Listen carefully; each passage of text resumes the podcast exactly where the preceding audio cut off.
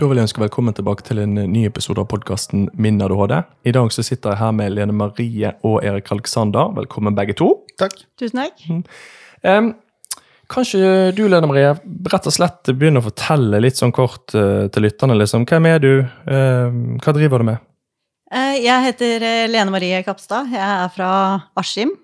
Jeg er erfaringskonsulent innen rus og psykisk helse. Har praksis på TSB i Askim. Eh, Det står for tverrfaglig spesialisert rusbehandling. Jeg er hundeinstruktør og har utdanning innen dyreassisterte intervensjoner. Og eh, jeg har firma Dyrebar Recovery sammen med Erik Alexander. Ja, Erik.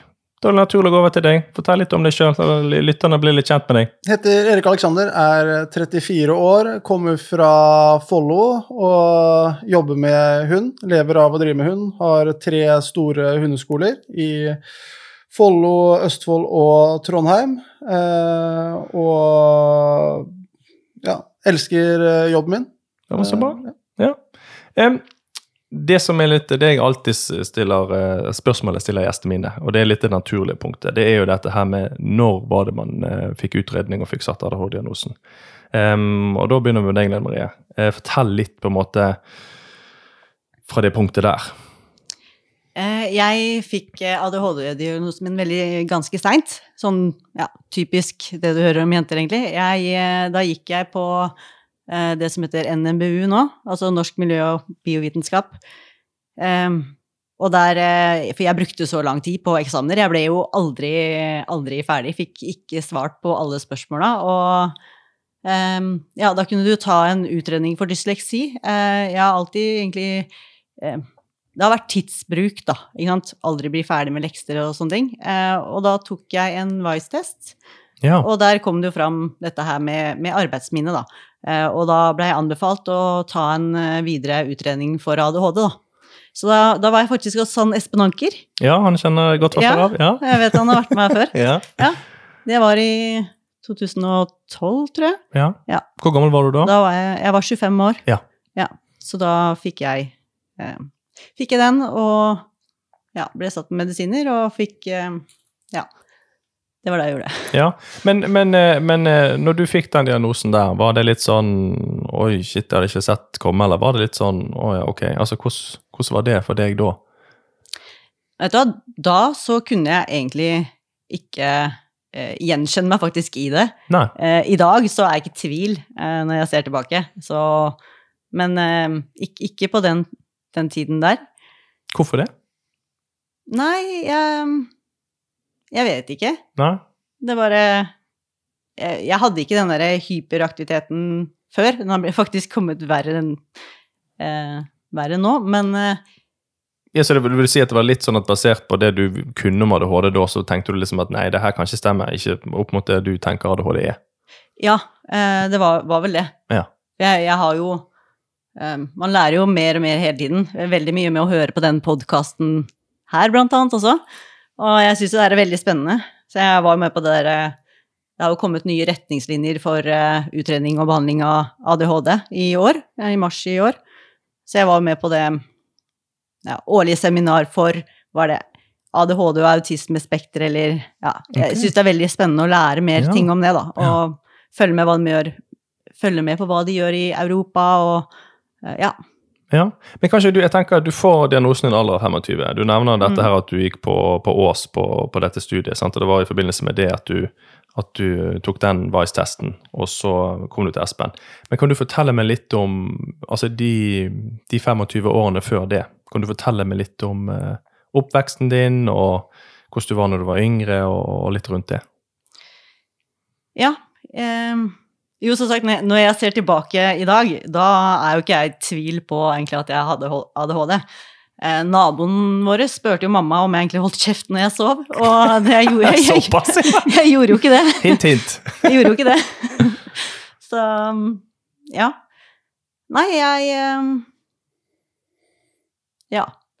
Holdt på med Hadde masse forskjellige interesser. Jeg drev med dans, ballett, eh, hester. Alltid vært kjempeglad i dyr. Eh, kaniner av alle ting. Det er liksom Ja. Jeg gjorde det bra på skolen. Eh, var egentlig Ja, Så det var ikke noe problem egentlig sånn akademisk sånn utgangspunktet? Nei, jeg, jeg fikk, eh, fikk gode karakterer, og det var liksom Ja, eh, hjemme hos meg òg, der er det jo. Det var ingen som egentlig trodde at det skulle for Som sagt, jeg er jo erfaringskonsulent, så jeg er jo også, har jo da den bakgrunnen med, med rus med meg inn, inn hit, som jeg Ja. kommer til seinere. Ja. Um, og ja, det var Bare det også var jo ikke det jeg egentlig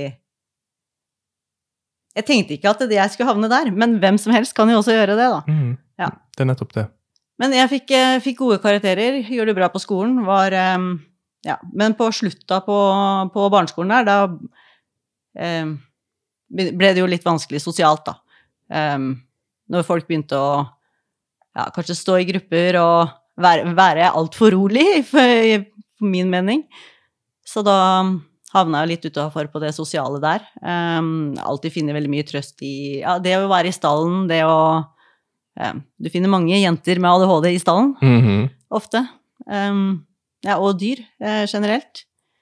Eh, kom på ungdomsskolen, og der eh, samla jo alle eh, Det er flere barneskoler, da, der jeg kommer fra, så Ja. alle samla seg jo da Vi har til og med to ungdomsskoler, har vi. Ja. Så når vi var på, på ungdomsskolen, da, da ja, begynte jeg og ja, fikk jeg meg jo en del nye venner, og en del av de var jo kanskje ja, de som eh, fikk altfor mange anmerkninger og ja. Og jeg var den siste, siste faktisk i gjengen som faktisk begynte å røyke vanlige sigaretter, eh, Ja. husker jeg. For at jeg, jeg var egentlig veldig, veldig, veldig sunn, husker jeg. Og um, Ja, du var egentlig på en måte en hva skal vi si, pliktoppfyllende snill pike, da. Veldig. Ja, veldig. ikke Jeg, sant? jeg turte Ja. ikke å gjøre noe gærent. nei. nei. nei, mamma, mammaen min var veldig ganske streng, så jeg turte ikke å gjøre noe gærent før jeg var Ja. over Du, 18 du, år. du, du, du hadde fått en solid oppdragelse. Ja. Det hadde jeg. Ehm, nei, så um, Ja, jeg var vel Men jeg husker jeg var, jeg var jo så mye trøtt. Altså, det var sånn, jeg fungerte jo ikke før midt utpå dagen. Og når kvelden kom, lys våken. Alltid, sånn har jeg alltid vært, egentlig. 100, 100 påskrudd. Mm. Så um, når jeg skulle begynne på videregående, da gikk jeg på Kalnes videregående skole. Det er en uh, naturbruksskole. Hvor jeg da gikk ja, grunnfag naturbruk, og så var det jo hestefag. Og så siste året med um, naturforvaltning, for da, da fikk jeg uh, generell studiekompetanse. Og de tre åra der, de var, de var så fine, da. Eh, fikk gratis ridetimer og bare den, ja, det miljøet som var på den skolen. Og, altså, det, det passa meg veldig fint, da. Veldig ADHD-vennlig òg, kanskje. Så, eh, helt perfekt eh, studie for meg. Med, ja, med hester og, og alt det der. Jeg har jo alltid vært veldig, veldig glad i, eh, i hest. Jeg har aldri følt meg eh, god nok, da, på Så det bestemte jeg meg for veldig tidlig, at jeg, jeg skal bli god på hest, jeg skal bli god på hund, jeg skal bli god på kanin og ja, det Dyr, rett og slett. Ja, dyr, rett og slett. Da. Mm. Um, og eh, jeg hadde lyst til å bli veterinær. Tok jo um, valg, to KJ i valgfag og to MX i, i matte som valgfag for å bli veterinær.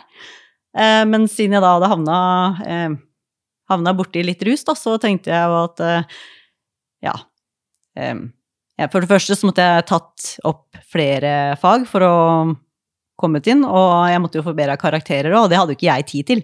Nei. Så da ble det jo et uh, um, studie som ja, komplementær og alternativ behandling på dyr, da. Ja. Som varte i fem år, faktisk. Um, ja.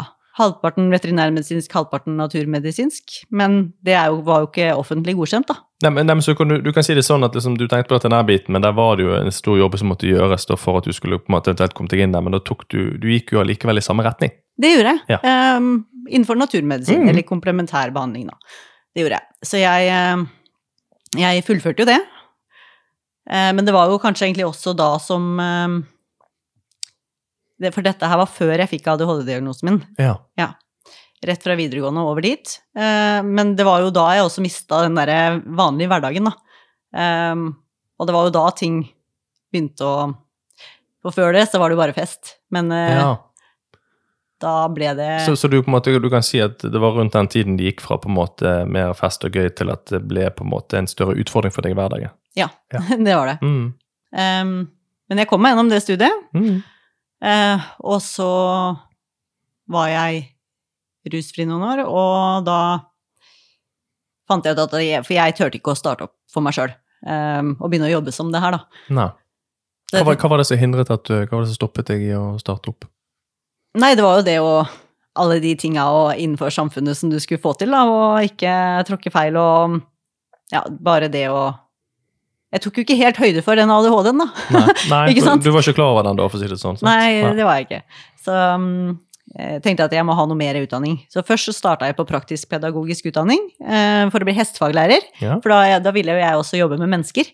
Eh, men Og de visste jo egentlig det at den, det studiet ikke var offentlig godkjent.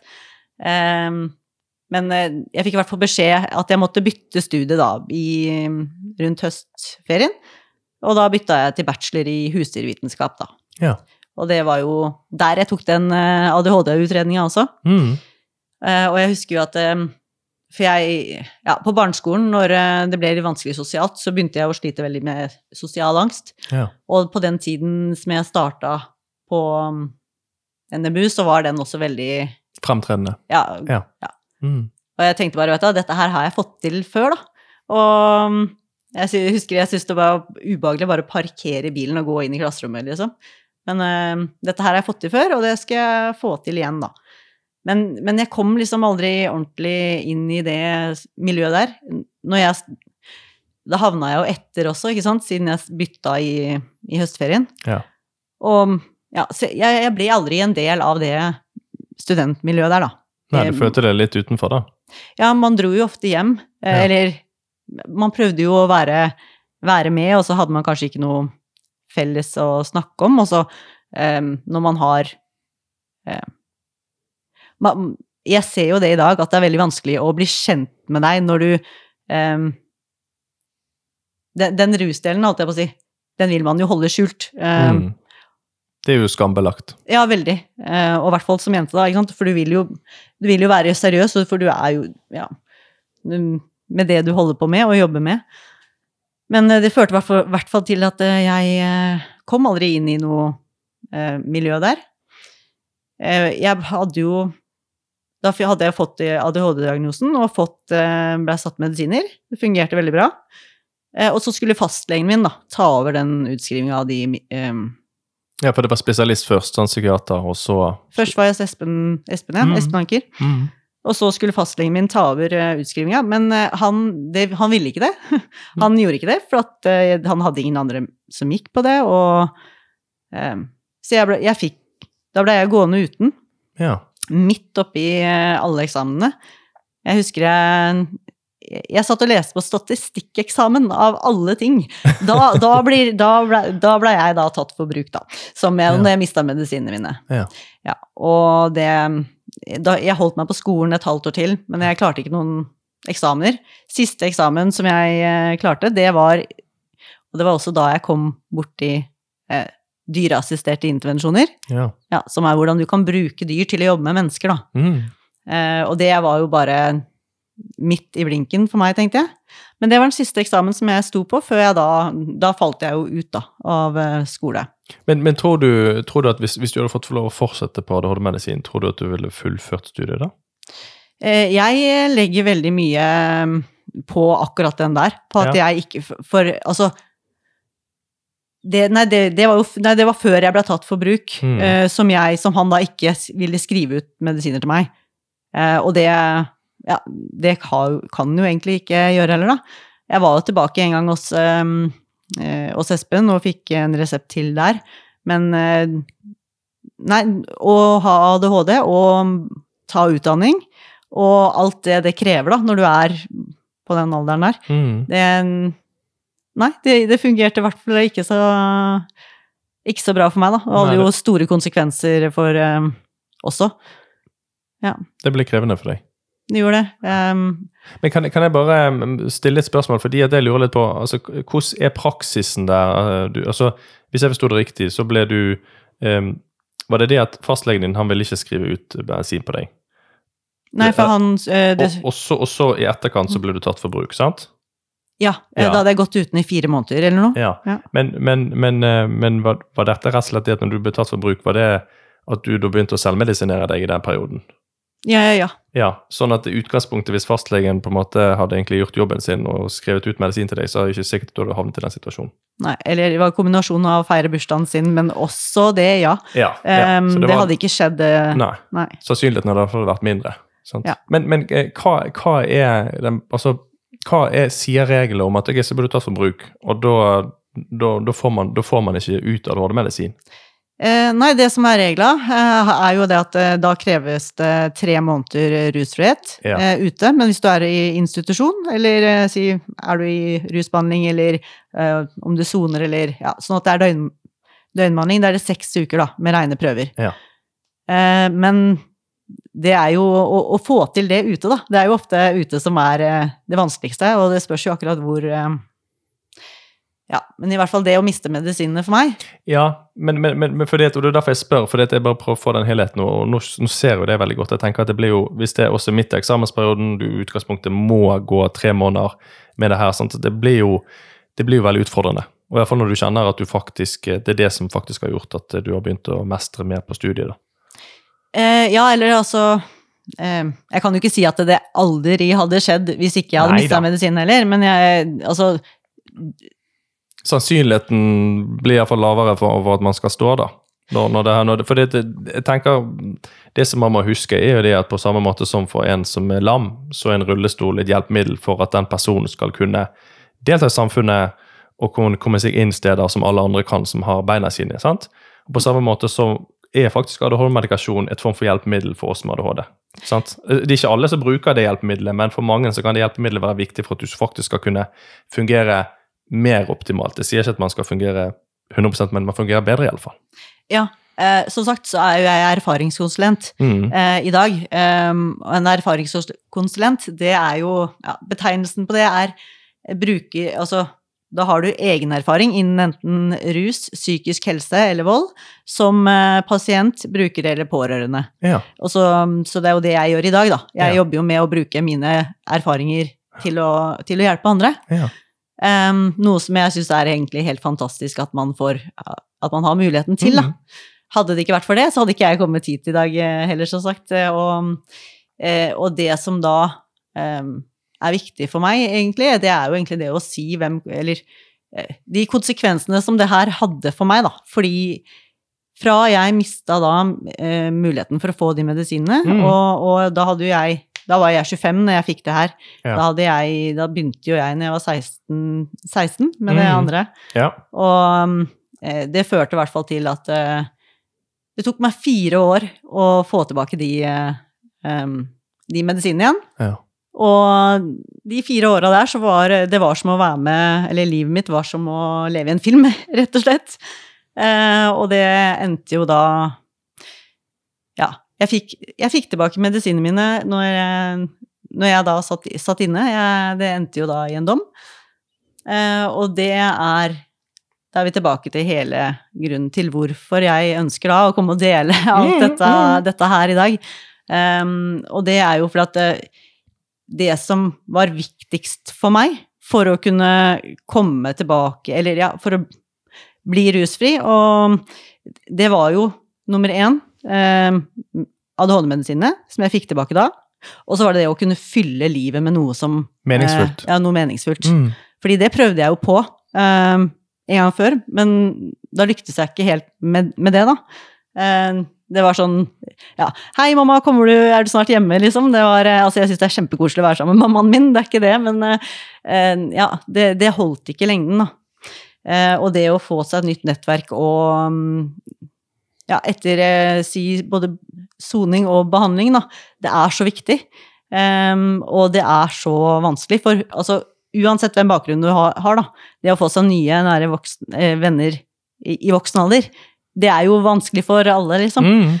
Og når du har da Det er jo mye stigma og mye skam rundt dette her. Eh, Absolutt. og kanskje ekstra som når du er eh, jente da, eller dame. Så grunnen for at jeg deler det her i dag, da, det er jo egentlig fordi at det, det å få tilbake medisinene for meg altså Det, det handla jo ikke om det at det, å, å få medisiner. Det, det handla jo om eh, forskjellen på det å På utenforskap, da. Eh, og rus kontra det å kunne få lov å være en del av samfunnet, eh, som er så viktig. Og det er ikke noe ukjent problem heller, da. At når det er, har du en rushistorikk, eller hvis, du, eller hvis det er eh, aktiv rus, så er det veldig, veldig, veldig vanskelig. Og eh, som oftest eh, Jeg kan bare snakke ut fra meg selv Mm. og de som jeg kjenner til. Mm. Eh, men det er veldig vanskelig å få ADHD-medisiner, da. Eh, heldigvis, holdt jeg på å si, så Når han Sverre Eika, som blir kalt for de, de narkomanes lege, døde, eh, så tok Bent Høie, han eh, tidligere helseministeren, og sendte et brev da, til Helsedirektoratet og spurte om legers rekvirering, eller handlingsrom da, til å rekvirere eh, vanedannende medisiner. Mm. Ehm, med utgangspunkt i de tinga som var så effektivt på den 24-7 som han jobba da. Og der var jo dette her en av eh, de tingene der. Og i det høringssvaret så kom de jo fram til at dette trengte de mer kunnskap om. Ja. Eh, og hente inn både Og da vil man da eh, Altså som substitusjonsbehandling eh, innenfor rammene til LAR. LAR det er jo legemiddelassistert rehabilitering, som er eh, substitusjonsbehandling for opiater. Eh, men det er jo eh, Når det kommer til amfetaminavhengighet, eller eh, Altså, der har man jo Der har man ingenting eh, på en måte. Men, men ja, jeg vet jo ikke helt åssen det blir. Når det akkurat kommet nye ret LAR-retningslinjer også, så Kan, men jeg kan stille et ledende spørsmål. Hva håper du kommer ut av det? jeg håper det kommer ut av, av, av det at eh, at også selv om du har en historikk med rus, eller at du har et rusproblem, da, så skal For ja, greit, det er et misbrukspotensial i det, men det er også et potensial for å kunne, ja, som sagt, gi seg med rus, da. Begynne sin egen recovery-prosess. Mm. Som eh, em, ja, som erfaringskonsulenter så bruker vi jo recovery-begrepet, eh, som er tilfriskningsprosess. Da? Det handler om prosesser, eh, om å få seg eh, om å seg et godt liv, da, til tross for de eh, Utfordringene man har. ja. Og det må man bestemme selv, da. Om det er helt rusfri, om det er sånn eller sånn. Men, men altså eh, Men jeg tenker jo at eh, jeg, jeg tenker det her vil være et veldig, veldig godt skritt i riktig retning, da. Å Mm. få til det. Så jeg vil gjerne gi en liten sånn shout-out til eh, Helsedirektoratet. Ja, men det er Og hvor det blir av det prosjektet. Og jeg, vil, jeg ønsker gjerne å bidra egentlig også inn, inn i det, da. Du, jeg, får, jeg får sende deg en mail med link til denne episoden her, og så sier dere må dere høre igjennom her, Ja. altså. Ja, men jeg syns det. Ja, ja, ja. Det er så mye som jeg tenker at det, um, Ja, det, det, er mange, det er mange som har behov for det, som trenger det. Og, Mm. og det har jo også vært eh, litt spørsmål angående langtidseffekten da, av, eh, av ADHD-medisin. Eh, og altså, når det er så vanskelig å få det, da, er, da, tør du, da sier du ikke fra, ikke sant?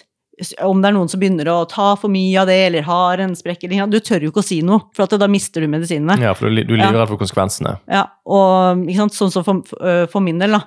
Eh, altså, det er jo ikke noe problem å få til eh, sånn at du får tilbake medisiner, hvis du, hvis du har de rammene rundt deg. Hvis du er i døgnbehandling, hvis du er eh, Det er jo ikke noe problem, ikke sant? Nei, da er det Men- noe helt annet. Ja, men er du ute eh, Ja.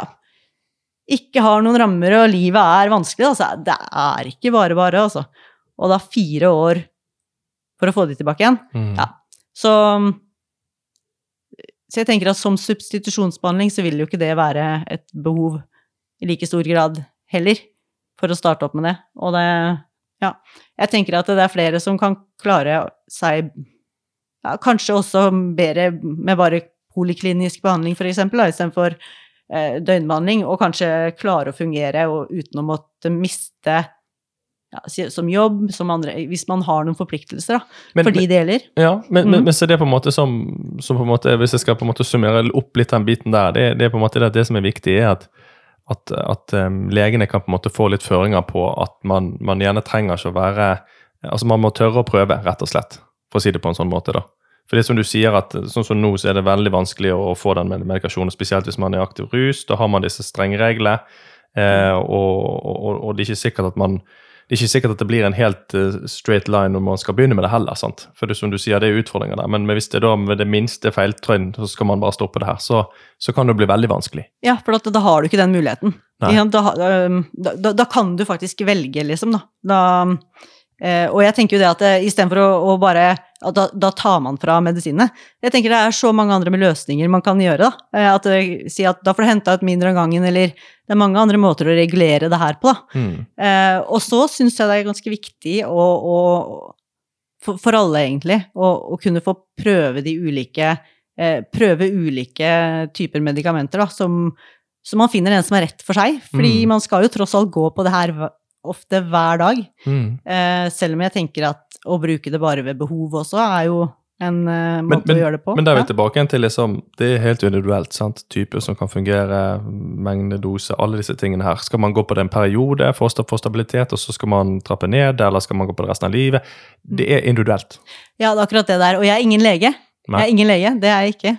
Um, Men, men, du, men du er erfaringskonsulent, og du snakker ut ifra erfaringene dine.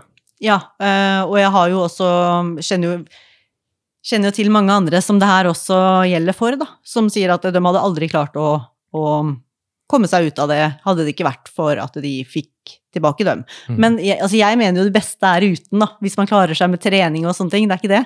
Og det er ikke sånn at man skal gå på det hele livet heller, men bare det å eh, For muligheten. ja, ikke stå i veien for folk, da. Mm. Ikke sant? Nei, for når jeg da Når jeg fikk tilbake eh, medisinene mine, så kunne jo jeg som sagt eh, begynne å tenke på min egen recovery-prosess, og da var jo neste skritt å um, ja Fylle livet med noe som ga meg mening. Mm. Eller det første var å gå på frigang til Alna ridesenter, hvor de visste at jeg var der på frigang. Ja. Det var ikke noe lenger å skjule. Og, og finne ut at du, Oi, det var, det var greit. De Det- aksepterer deg. Ja. Mm. Eh, og så var det møte med, med Katja fra Wayback, eh, som var den erfaringskonsulenten som betydde mye for meg. Og Det å, å, å se noen som du bare kan kjenne deg igjen i, da, Mm. og som har klart det, og som det så ut som oi, har fått det bra, eh, det var et veldig sterkt møte. Og eh, hun hadde også utdanning fra Oslo hundeskole, så hun fikk meg jo i gang videre dit igjen. Ja.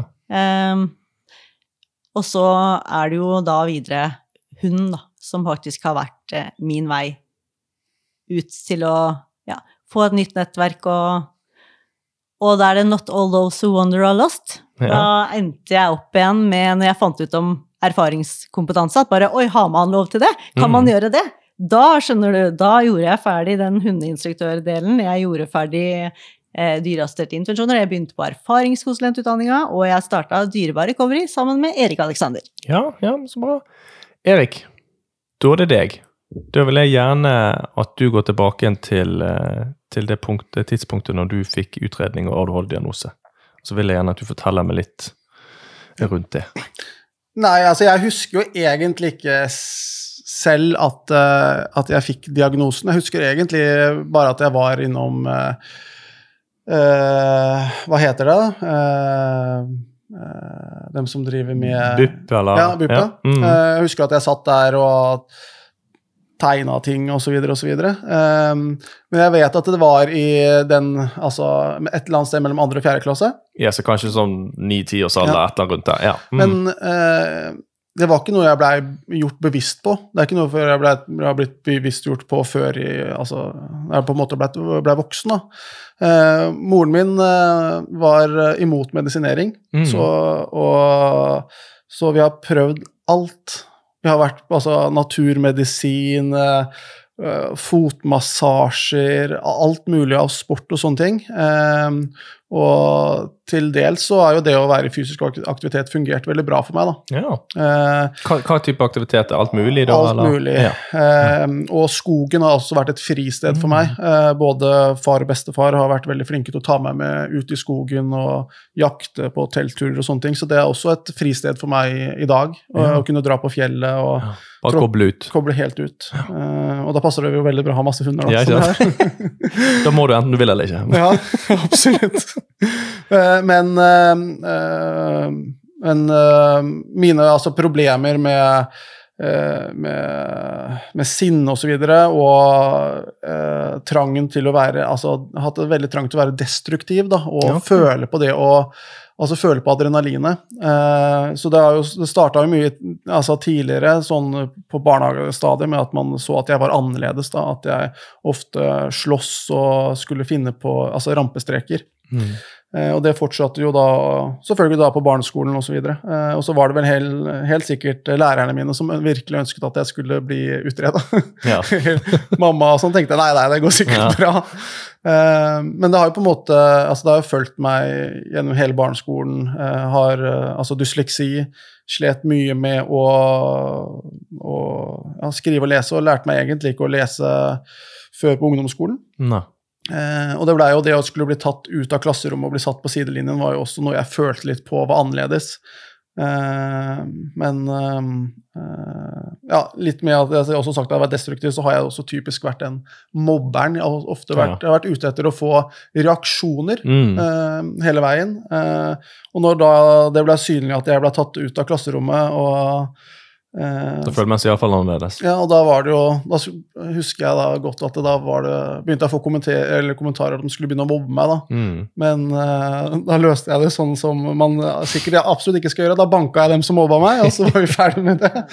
Så det er jo på en måte eh, er liksom, ja, den destruktive greia som har fulgt meg hele veien. da. Eh, og som uh, Mamma har alltid vært uh, på fornavn holdt jeg på å si, med rektorer, og var jo der ja, flere ganger i uka. Uh, vindusknusing, trykke på brannalarmer, hoppe ut gjennom vinduet andre etasje. og så sånn veldig typisk, eh, Typisk. ADHD-gutt. Ja. Eh, så i, på barneskolen og ungdomsskolen så slet jeg veldig mye med at jeg var mye sint, slåss mye. Mye aggresjon. Veldig mye. Så det var, eh, Og sånn som det også var i stedet jeg kom fra, eh, Ås, så var det liksom eh, i tidlig ungdomstid Dra ut og slåss var liksom en ting vi gjorde. Da. Ja. Så det var helt sikkert ikke bra, men det var jo fortsatt på den tiden da det kanskje var litt lov òg, da. Ja, nå er det jo ikke lov lenger. Nei. Havner man i et barslåsskamp nå, så er, det, er man jo rett i rettssalen, holdt jeg Ja. på å si. Ehm, så da er eh, ja, i hvert fall eh, barneskolen og tenårene veldig preget av, eh, av det å slåss og skulle være tøff og litt sånn gangster. da. Ja. Og det har jo også da selvfølgelig gått utover karakterer. Jeg har jo kommet meg gjennom grunnskolen, da, ja. men det er jo da vet ikke, flaks og kanskje litt uh, lærere som syns litt synd på meg. Orker ikke å ha han her med. Det er bare å få han videre. ja.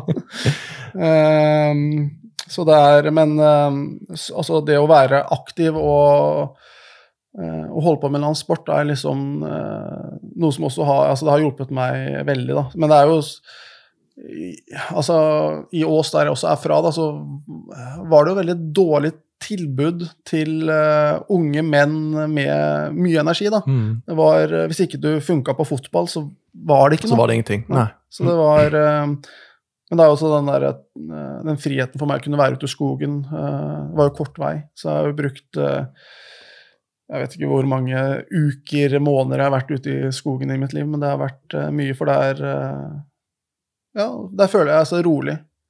Jeg har en sterk tilknytning til naturen, så det er eh, For meg så er det en helt klar medisin. Bare Mm. kunne traske litt rundt sånn eh, hjernedødt arbeid, da Ja, og bare tenke. Ja. Eh, og så starta jeg jo på videregående. Det starta jeg på kokk. Eh, det var jo eh, nokså spennende, det. Var alltid, jeg har alltid vært kreativ. Lage ting, ordne ting. Sett på, hadde jo sett på matprogrammer da, så at man kunne være veldig kreativ og skape nye retter og sånt. Og da så jeg for meg at det er sånn kokkeyrket var. Mm. Det var absolutt sånn det ikke var i det hele tatt. Nei. Det var helt motsatt. Det var jo bare skulle slavisk eh, gjøre ting. Eh, så jeg var etter utplasseringen på, på kokk, så Jeg fullførte jo første året, da. Ja. Eh, andre året da så utplasseringen. Så bare Nei, det her gidder jeg ikke mer. Nei. Nei. Da sto jeg liksom i åtte timer på et sånn der på en restaurant på et hotell og bare skjærte grønnsaker. Det var ikke det, var ikke det jeg ville. Så da hoppa jeg ut av det, og så hadde jeg da noen måneder da jeg jobba gjennom Manpower, eh, og slet jo veldig da med å, eh, å holde disse jobbene, fordi det var kjedelig. Det var, ga jo ikke noe utfordring. Det var eh, Nei, det var, altså- skal jeg si det, det ble rett og slett for kjedelig. Det ble, Mm. ga ikke noen utfordringer. Og så var det typisk bare sånne lagerjobber og sånne ting som jeg kunne ha, da. Ja. Ehm, men eh, så fant jeg vel ut at jeg skulle prøve meg på, på Mekken. Ja, Og der har jeg òg jobbet. Jeg Ja. sier det. Ja. og det var eh, Det gikk eh, ja, det gikk forholdsvis uh, greit. Men uh, jeg kom meg ja, Livet mitt er jo prega av at jeg starter og aldri greier å fullføre noe, egentlig. da. Det er litt sånn, det er litt sånn typisk ADHD, da. Ja, Det er det. absolutt. Eh, så det var Ja, det kan være typisk. Det kan være typisk. det. typisk. Ehm, ja, og så eh, Ja, en av mine Altså Nei, da altså gått noen år på, altså på videregående, sånt, så kom jeg da på sesjonstid, da. Mm. Og, og akkurat da jeg var på sesjon, så gjorde jeg jo ingenting. Og det, alt, jeg hadde alltid drømt om å komme inn i Forsvaret. Ja. Jeg så for meg sånn der, eh, sånn magisk bilde. Jeg var så glad i å være i naturen, altså det måtte jo være helt perfekt. Ehm, men eh, eh, jeg stressa meg jo gjennom alle disse prøvene. Jeg greide ikke å konsentrere meg, jeg var så spent. Så det var liksom bare Jeg husker det var sånn avkrysning, at du skulle svare på ting, så jeg bare kryssa ned. kryss og jeg hadde ikke- ja. Leste ikke, hadde ikke konsentrasjon eller noe. Eh, Men alle de som i, eh, altså, Inn hos legen, ser at du var fysisk i form, og øyer og alt sånt, var helt perfekt. Mm. Men jeg kom jo, jeg ble aldri kalt inn her, da, men det var også litt, grann med, ja, altså, litt med at jeg var i Da jeg skulle bli kalt inn, så gikk jeg også da på skole, da. Ja. Men så etter noen år så fikk jeg jo bare svar om at eh, at eh, jeg ikke kom til å bli kalt inn. eh, og, men hvis det er noen krigssetting, så kan jeg komme og skrelle poteter, liksom. ja, okay. Men det er en av mine største angre, at jeg ikke Ja. gikk inn i Forsvaret og ikke valgte det. Det tror jeg for meg hadde vært en, for vært en redning. For etter videregående så, så tar jeg en, en hel, et helt annet valg. Eh, og, og velger da mer eller mindre da å satse på en, eh, en, eh, en karriere som mer eller mindre kriminell. da. Ja. Eh, og det handler jo litt grann om eh, selvfølgelig miljøet man er i og sånne ting, men jeg har jo fra barneskolen vært destruktiv, ønsket å få reaksjoner og sånne ting, så det er eh, Prøvde vel å stjele min første bil, jeg tror vi var 13 år gamle eller et eller annet. igjen. Eh, så, og i det miljøet jeg, jeg hang i, så var det Vi hadde høy respekt, og vi kunne bevege oss, ha ganske fritt spillerom. Skal ikke snakke så veldig mye om personene som jeg var med, men vi hadde ganske fritt spillerom liksom, nesten uansett hvor vi var, selv om vi var i Oslo, pga. at det var høyt respekterte mennesker vi, vi, vi var med. da. ja. Eh, så det førte jo til en, eh, en kriminell eh, løpebane der vi gjorde alt mulig. Det var litt sånn Tony Montana-tendenser. Mm. Mye festing og mye gøy. Litt sånn som snakka om i stad, var litt om å være i en film. ja. Eh, så kommer jeg til et eh, sted der, eh, der jeg ønsker å på en måte Jeg får en sånn form for en åpenbaring. Jeg ønsker å gjøre et oppgjør Ja. med meg selv. og ønsker å, å begynne å jobbe og på en måte skjerpe meg litt. da. Det skjer jo litt ting som gjør at jeg ønsker å gjøre det. Og så tar jeg et skritt ut av miljøet og begynner å få meg, få meg jobb. Og så jobber bra, jobber et halvt år, og så går det skikkelig på trynet, og jeg gjør noe jeg ikke burde gjort, og så ender det med at jeg sitter på en dom på tre og et halvt år, da. Mm. Uh, og så sitter jeg jo i uh, Sitter i fengsel og har uh, Begynner å bli kjent med masse nye mennesker, tenker å utvide mitt kriminelle nettverk. Det er jo en Fengsel i Norge er jo fantastisk sånn, egentlig. Ja. Det er ikke noe Folk tenker at Altså, man får jo brukt det som man vil, og det vil jo vise seg at det ble veldig bra for meg, da. Men det er jo eh, Det er eh, muligheter for å bli kjent med mange, og jeg hadde absolutt ingen som helst tanke på å skulle komme ut og være lovlydig. Jeg tenkte Nei. nå er sjansen min brutt. ja. eh, og, Du hadde på en måte tenkt at nå, nå er det kjørt, liksom? ja, nå har jeg bare én mulighet, og det er å skulle fortsette å leve et kriminelt liv. Ja. Um, og så det tenker jeg da så lenge jeg sitter på, på lokka, lokka avdeling, og så etter hvert så slipper jeg da over på også mer åpen soning. Eh, der murene forsvinner, det kommer mer gjerder, og det er mer bevegelig bevegelsesfrihet da, på Kroksrud fengsel. Eh, og på Kroksrud fengsel så har de et, eh, et samarbeid med det norske forsvaret og hundeskolen. Eh, så der har de eh, en kennel, eh, og der er det vel ja, ca. åtte hunder da, eh, som Forsvarets hundeskole har plassert ut. Så da er man da fòrverter for dem, og så Ja. er det da en gruppe mennesker som blir plukket ut av, eh, av fengselet, som da skal trene opp disse. da. Eh, og jeg blir jo tidlig spurt om jeg har lyst til å være med. Første gang sier jeg nei. Jeg er ikke interessert i det. Eh, fordi jeg skulle fokusere på en eh, videre karriere som, som skurk.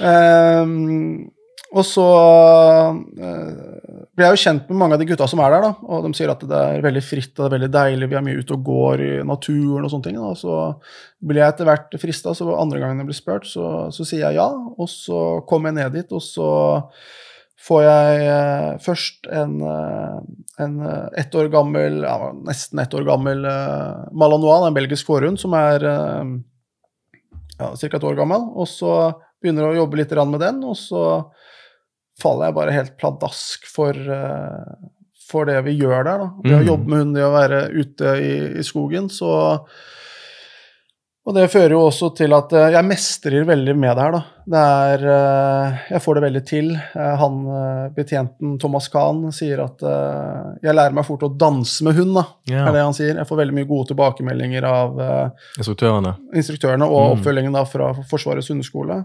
Og så eh, treffer vi da en som heter Geir Marring, da, som er da han som startet eh, Oslo underskole. Og så blir jeg da eh, lurt med inn dit på et intervju, da. Og så sitter og snakker litt med han og, og sånt, og så ender det opp med at jeg blir tilbudt frigang. Ja. Så at jeg får lov til å jobbe på utsiden Mm. av fengselet. Så da Første gangen så tar jeg da tog og buss da i halvannen time for å komme helt ut på Enebakkneset, eh, der det ligger. Og så jobber jeg på gården der eh, og viser at jeg kan ta et tak og er til å stole på. Og så eh, blir jeg da også etter hvert tilbudt å jobbe på en av Han eller eide da flere dyreklinikker. Ja. Så ble jeg da tilbudt å jobbe på en av dyreklinikkene hans, og, så, og da ta instruktørkurs og så videre og så videre. Og da eh, Og da det å For meg og da at noen som egentlig ikke kjenner meg i det hele tatt, gir meg dette ansvaret, da. Eh, Tillit. tilliten Mm. eh, vokste jeg ekstremt på. Jeg var helt sikker på at aldri noen kom, kommer til å gjøre det igjen. At jeg måtte, her var det Uh, den sterkeste overlevelsen når jeg kommer ut her, og Mm. bare, må bare kjøre på. Uh, så det jobber der og, og får altså, masse tillit og vokser ekstremt på det. Og, eh, og samtidig som jeg da holder på å jobbe med hund, eh, får jo da altså I starten så jobber jeg jo da bare med masse forskjellige typer altså, ho- Holdt jeg på å si løsbikkjer, Ja. men problemhunder da, som bare Ja. blir levert til meg. Og så Mm. ja, jobber med det, begynner å mestre med det. Eh, tar instruktørkurset, eh, får etter et års tid får min e ansvar for min egen avdeling. Eh, samtidig eh, som jeg da driver og trener mine egne hunder. Forsvaret får da får med seg at, jeg, at jeg fortsetter å holde på med hund. For da blir jeg da kontaktet av Forsvarets hundeskole, og blir da først uh, Først blir jeg da spurt om jeg har lyst til å være fòrvert for en hund, som jeg da er et år. Uh, og etter det så spør de da om jeg har lyst til å være fòrvertsansvarlig. Ja. Så da at jeg da har ansvaret for oppfølgingen av en forvertsgruppe, da. ja. Som, er da, som da har betydd veldig mye for meg, da, at et sånt statlig organ kan eh, gi en tidligere domfelt og kriminelt et, eh, altså den tilliten og et sånt ansvar. Mm. Eh, så har det bare på en måte balla seg på, da. Så i dag, som jeg sa tidligere, at i dag har jeg jo da tre store hundeskoler og kurser vel omtrent ja, 2000 mennesker, og har vel eh, konkurrerer med mine egne hunder på toppnivå i verden, og er i dag eh, en av eh, Tør å si at jeg er en av verdens beste hundetrenere. 13.-plass i verdensmesterskap. Eller jeg har 8.-plass, 4.-plass og 13.-plass i et verdensmesterskap. Så det er, Det er har- kjempeimponerende, da. Så du har rett og slett eh, Du har på en måte blitt en gründer innenfor dette her også, da? Ja, vil jeg si det, på en måte. Ja. Med, Også så utrolig inkluderende som eh, han er som instruktør, kursinstruktør. Det òg er men, eh, men, kan, jeg bare, kan jeg bare spørre kjapt så, Fortell meg liksom kontaktpunktet her mellom dere to. Når? Når? um, Når, hvor, hva? Jo, nei, jeg hadde jo funnet ut at det var greit å delta i dette samfunnet igjen, da. Ja.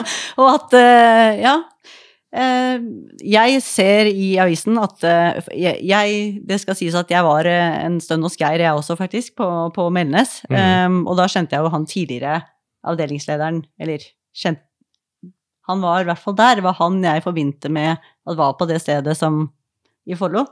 Um, og så ser jeg det at de skal starte uh, en i Askim. Ja, eller Mysen. Ja. Du skal i hvert fall starte opp der, da. Og jeg dreiv jo og prøvde å finne et sted som eh, jeg kunne holde på Eh, med dette selv. Så jeg ringer jo da til Erik Aleksandersen, og det var nesten sånn, sånn derre Ja, hei, du, jeg vil, kan jeg, jeg vil bli med. Skal vi gjøre noe sammen? At det blei eh, Jeg har blitt det det har blitt, liksom. Det var jo ja, Det starta bare med en telefonsamtale, og jeg tenkte bare hvem er, hvem er, det jeg snakker med nå? Hun var litt i overkant engasjert. Men det var, eh, det var, bra, og det har jo blitt bra. Vi har eh, jobba mye sammen, og det fungerer superbra. Og det er jo den å se verdien av hva hun kan være med på å, å utføre for, for, manges liv. Da. Mm. For, jeg tenker, for jeg tenker, det er jo, det er jo to kjempe, kjempefine historier som jeg sitter og hører på her nå, liksom. Det er jo faktisk litt rørende også å høre på det. At liksom du har et ganske dårlig utgangspunkt, og så gjør man det om til noe så fantastisk. Ja. Det er jo superflott, altså. Jeg sitter her i dag og er 34 år og føler altså kanskje for første gang at jeg virkelig kan være stolt av det jeg har gjort. Da. Og alt før er erfaring, og jeg kan tenke på all erfaring som god erfaring. Mm, ikke sant? Det gjør meg bare sterkere, ja. og kan igjen da føre til at jeg kan eh, bidra til å hjelpe andre. da. Ja. For det er eh, Når jeg greier å, å rette opp, så bør de aller fleste andre greie det òg. Ikke sant. Ja. Og det tenker vi på en måte um, Nå har vi fått høre begge deres historie. Og vi skal jo også spille inn en del to. Og da skal vi komme litt mer inn i detalj på, på dyrebar recovery og på mm, denne metodikken deres og måten dere jobber på med hund eh, for å hjelpe andre. Um, så jeg tenker at vi vi setter en strek for del én nå, og jeg vil bare takke dere begge to for at dere eh, stilte her i dag. Jeg setter jeg kjempestor pris på. Ja, takk for at dere kom. Takk for at jeg fikk komme.